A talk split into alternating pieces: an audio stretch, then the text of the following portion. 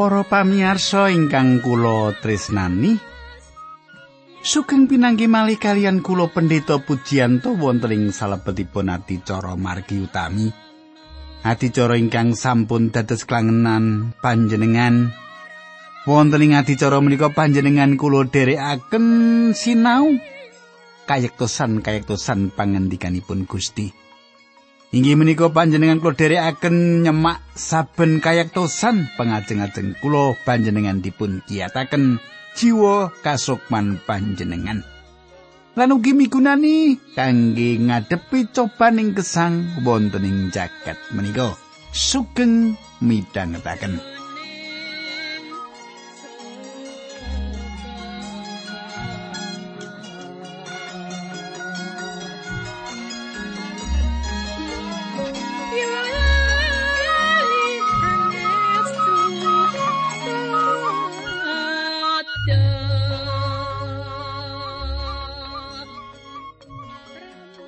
Para pamirsa temtunipun panjenengan tasih kemutan menapa ingkang kula aturaken nalika pepanggihan kepengker.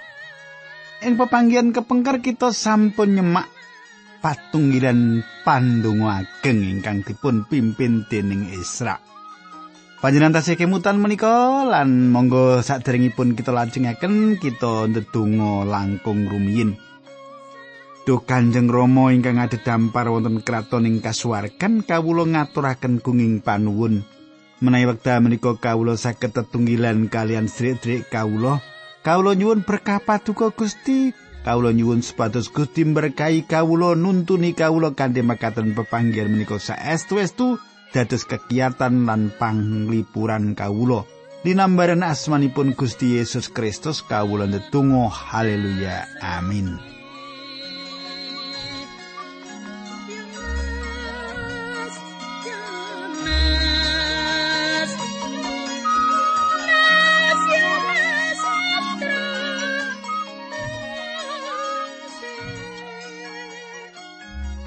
Para pamirsa, kala wingi, kala kepengker kita sampun nyemak Esra bab 9. Samenika ngancik Esra bab sedoso. Nah, para pamirsa, sasampunipun pepanggihan donga ingkang ageng menika wiwit satunggalipun gerakan kebangunan rohani. Patunggilan pandungo menika andadosaken wonten gerakan ingkang sinebat kebangunan rohani. Lan kebangunan rohani tansah andadosaken reformasi ewah-ewahan. Ing wekdal dumados satunggalipun kebangunan rohani sejatos panjenengan boten betahaken ahli bedah kangge mangertos hasilipun. Ora perlu, ora perlu digoleki hasilipun. Ayat setunggal. Sasuwene srandet tungo lan longso karo nangis sarta. Ngluso ana ing ngarepe pedaleman Allah mau, banjur ana wong Israel akeh padha nglumpuk ing ngarepe wong lanang wadon karo bocah-bocah padha nangis seru. Para pamirsa, pangaken dosa kangge umat sawetahipun ing wekdal ingkang mirunggan makaten cetha inggih kados makaten. Menika ingkang dipun betahaken wekdal semanten. Ngakoni dosa iku sing perlu lan dibutuhake ing wektu semono ayat kali sekanya bin Yehiel turune Elam.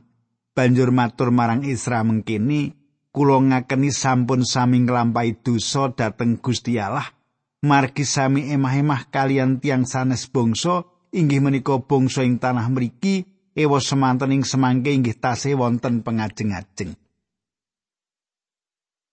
Para pamirsa, sekanya menika namung dados wakil kangge golongan tiang ingkang sampun mangertos dosanipun lan gadah kekajengan ngakeni samukawis dosanipun. Sekanya ningali Estra lan matur kula sami sampun nerak paugeranipun Gusti Allah. Pengaken menika satunggalipun pengaken ingkang blak-blakan. Piyambakipun nglajengaken kula sami sampun mendhet istri-istri monco saking tanah menika.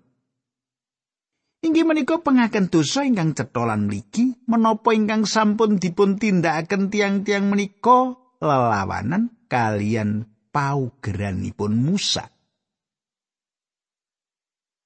Tiang-tiang menika mboten tanglet rumiyin atas menapa ingkang dipun tindakaken kamangka sampun wonten ingkang sampun tinulis secara pawaken wis ana undang-undangi. Kanthi tembung sanes tiang-tiang menika sampun nebih saking pangandikanipun Gusti Allah. Samenika sekanya masrahaken badanipun dumateng sih kadarmanipun Allah lan matur. Nanging kados makaten samenika ugi tasih wonten pengajeng-ajeng kangge bangsa Israel. Ayat 3.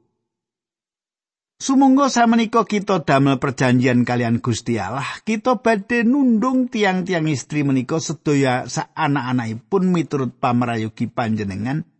Soho rembagipun para sedherek ingkang sami ajrih kalian angger-anggeripun Allah kita, kajengipun sederek-sederek menika tumindak miturut angger-angger. Para pamirsa, Wonten tiang-tiang ingkang ngempal ing salebetipun pengaken dosa menika ingkang gemeter adepan kalian angger-angger Allah. Bangsa menika mboten namung maos angger-angger Allah lan sinau angger-angger menika nanging ugi ngresepaken sedaya wucalan pangandikanipun Allah ing manahipun. Ewedal bangsa menika ngrumaosi kegayutan panerakipun bangsa menika ngakeni. Bangsa menika boten nutup-nutupi panerakipun utawi nutupi dosanipun. Bangsa menika langsung sowan Gusti lan ngakeni panerakipun. Bangsa menika nindakaken perkawis menika selaras kalian menapa ingkang dipun wucalaken pangandikanipun Gusti Allah. Pangandikane Gusti Allah ora mung diapalake nanging ugi diterapake wonten urip kita mangkaten nggih ayat sekawan lan gangsa kula lajengaken ayat 6 makaten surasipun Sumangga panjenengan jumeneng sebab perkawis menika dados tugas panjenengan. Kulo sami badhe mbiyantu panjenengan. Penggali panjenengan ingkang panggah kemawon sarta tumunten tumindao. Isra banjur ngadeg para pangarepe imam wong Lewi lan umat Israel kabeh padha dikon sumpah yen bakal padha nglakoni apa sing diusulake dening sekanya mau. Wong kabeh yo banjur padha sumpah.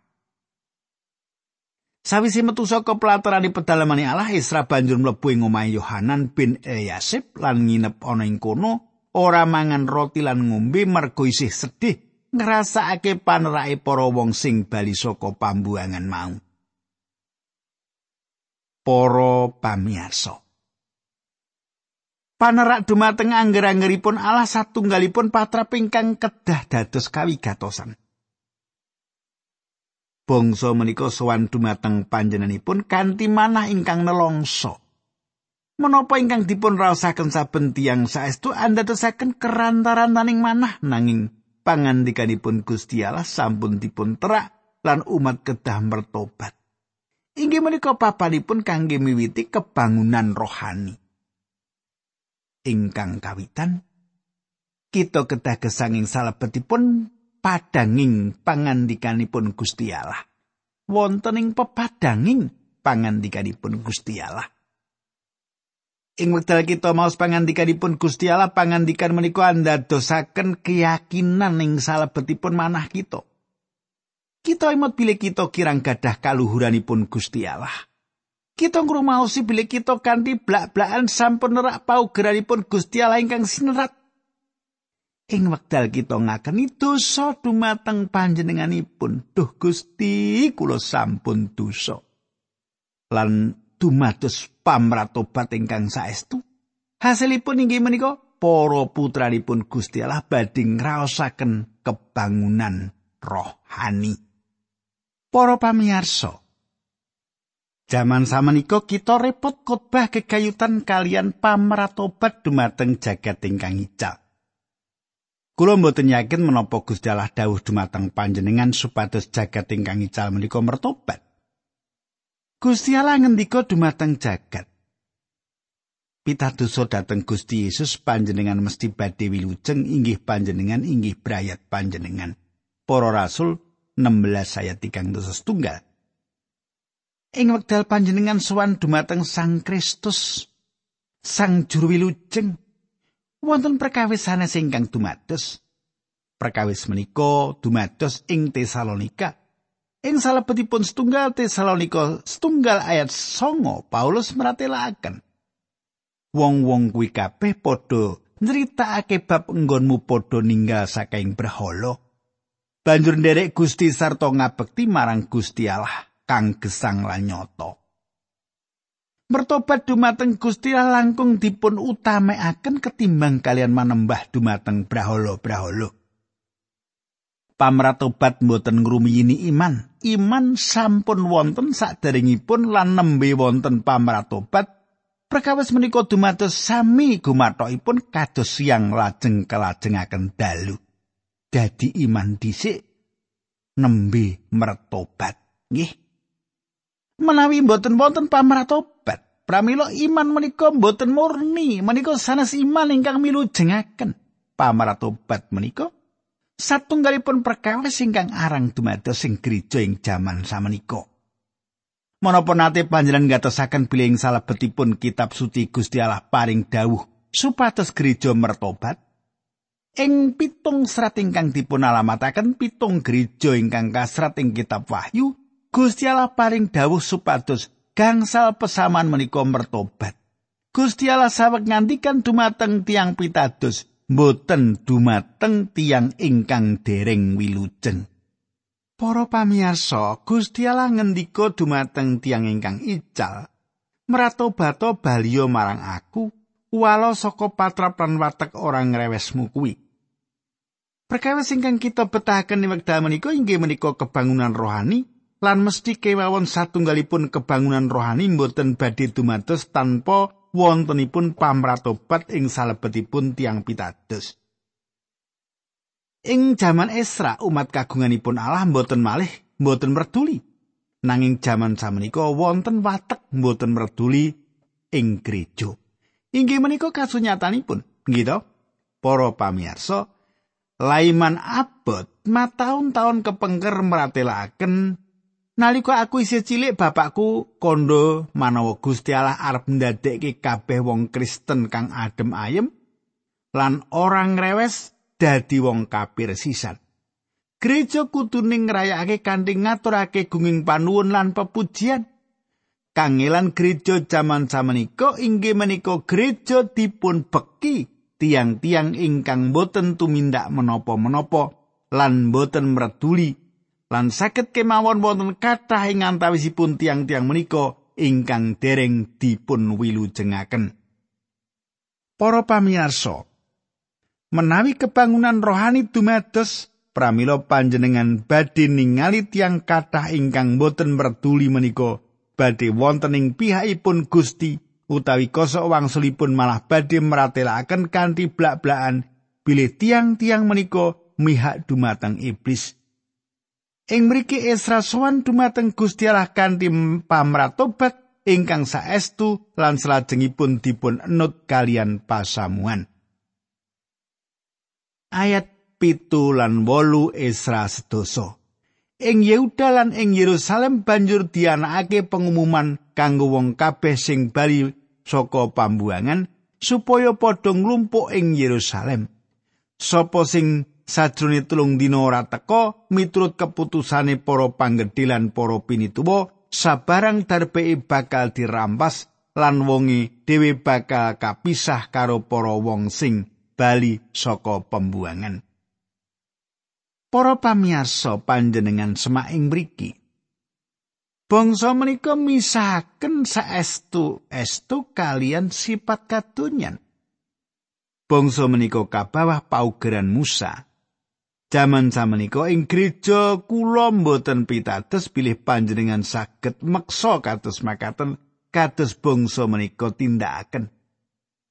mbetahaken wekdal tigang dinten kangge medal dhateng arah pundi kemawon ing tanah menika lan pengumuman menika dipun tujuaken dumateng tiang-tiang ingkang medal saking pambujalaning Babel ingkang sampun wangsul kangge mbangun malih tembok kita lan pedaleman Allah. Tiang-tiang kalawa dateng sareng-sareng lan nglampahi satunggal penyegaran rohani nanging saderengipun kedah dipun wiwiti kalian pamratobat. Tiang-tiang ingkang boten purun dateng awit tiang-tiang rumaos perkawis-perkawis ingkang boten dipun tindakaken selaras kalian pepinginanipun tiang-tiang utawi gadah karatan sanes kedah dipun dalaken saking pasamuan.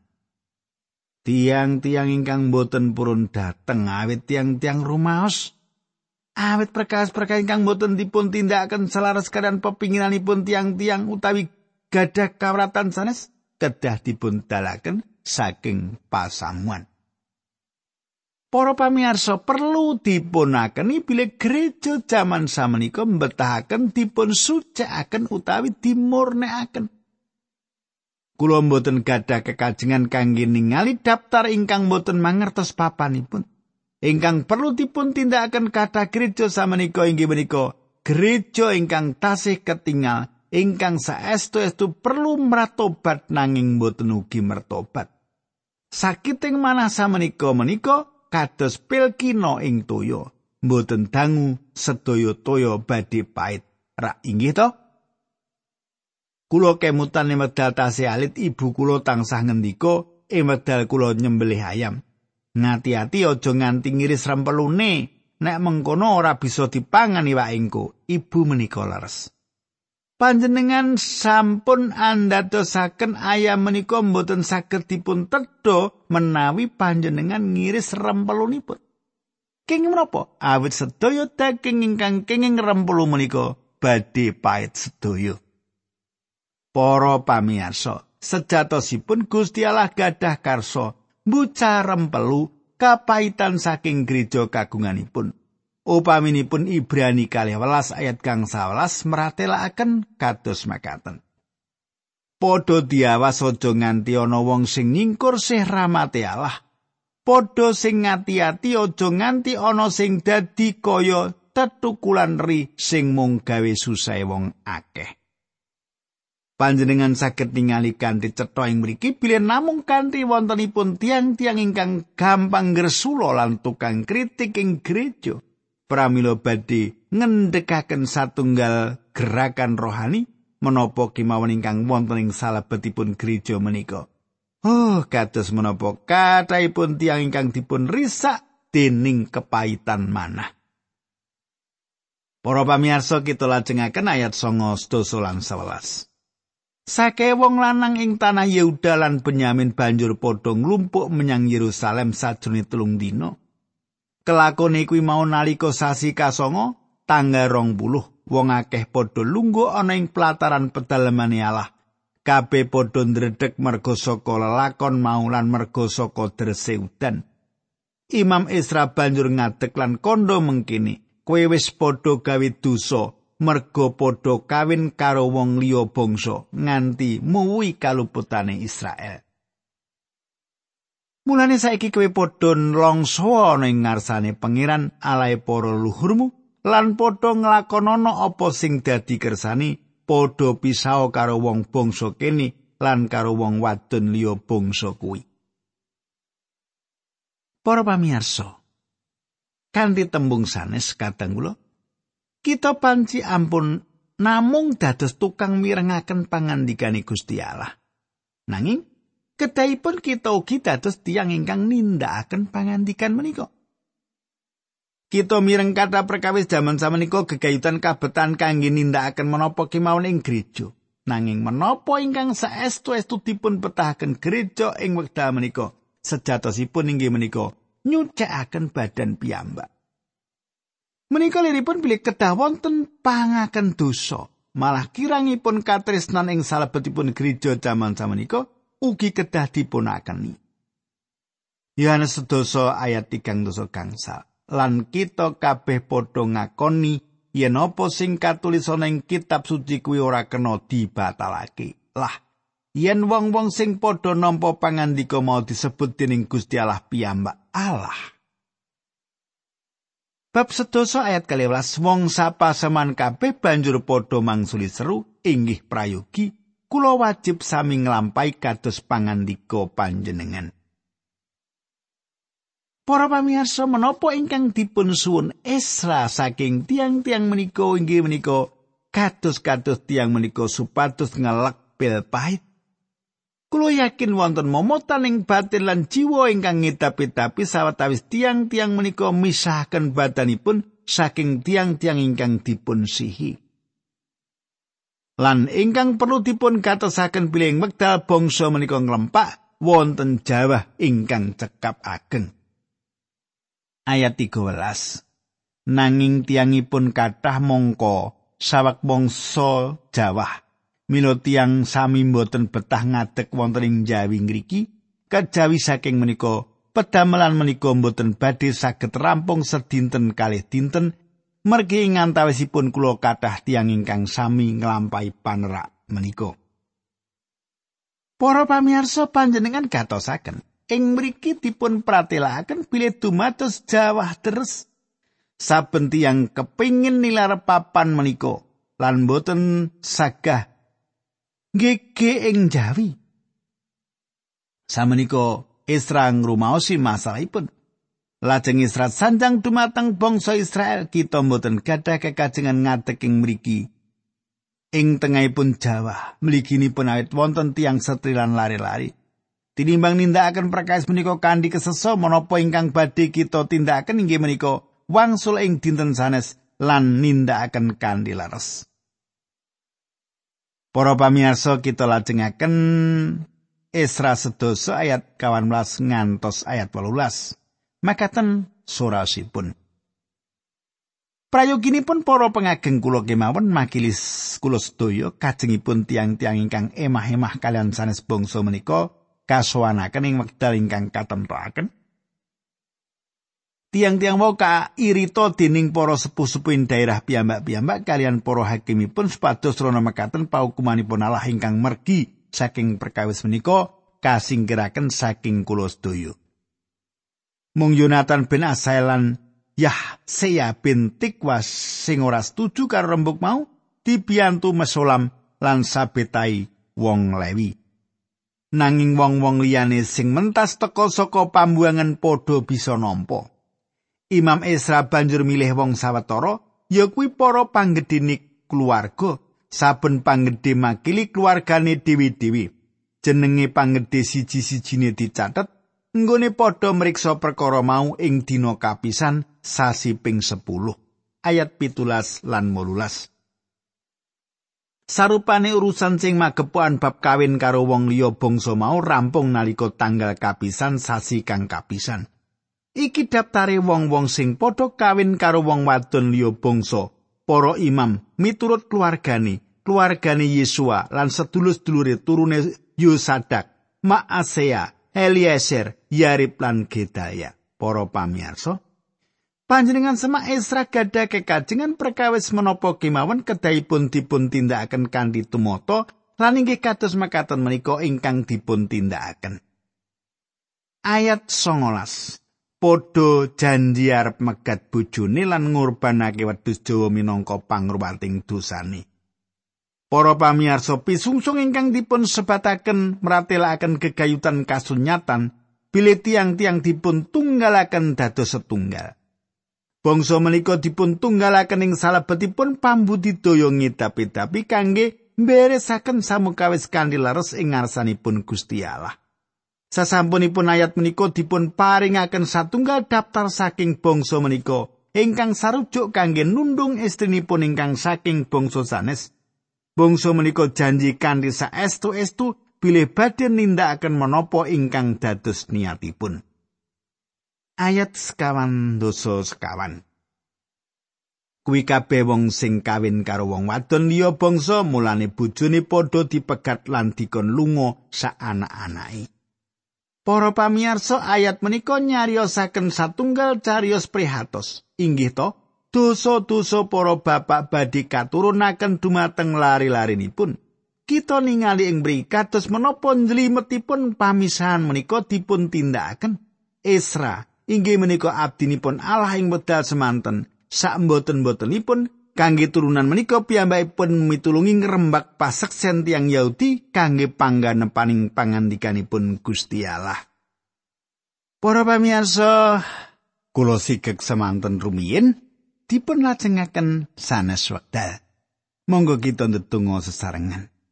Duh Kanjeng Rama ingkang adhedhampar wonten kraton ing kasuwargan kawula ngaturaken gunging panuwun menawi wekdal menika kawula saged tetunggilan kalian sedherek kawula sinau kayektosan pangandikanipun Gusti Allah. Kawula nyuwun Gusti berkahi Gusti mitulungi lan berkahi sedherek kawula ingkang sampun midhangetaken adicara menika. Dinambaran asmanipun Gusti Yesus Kristus kawula netunggal haleluya amin.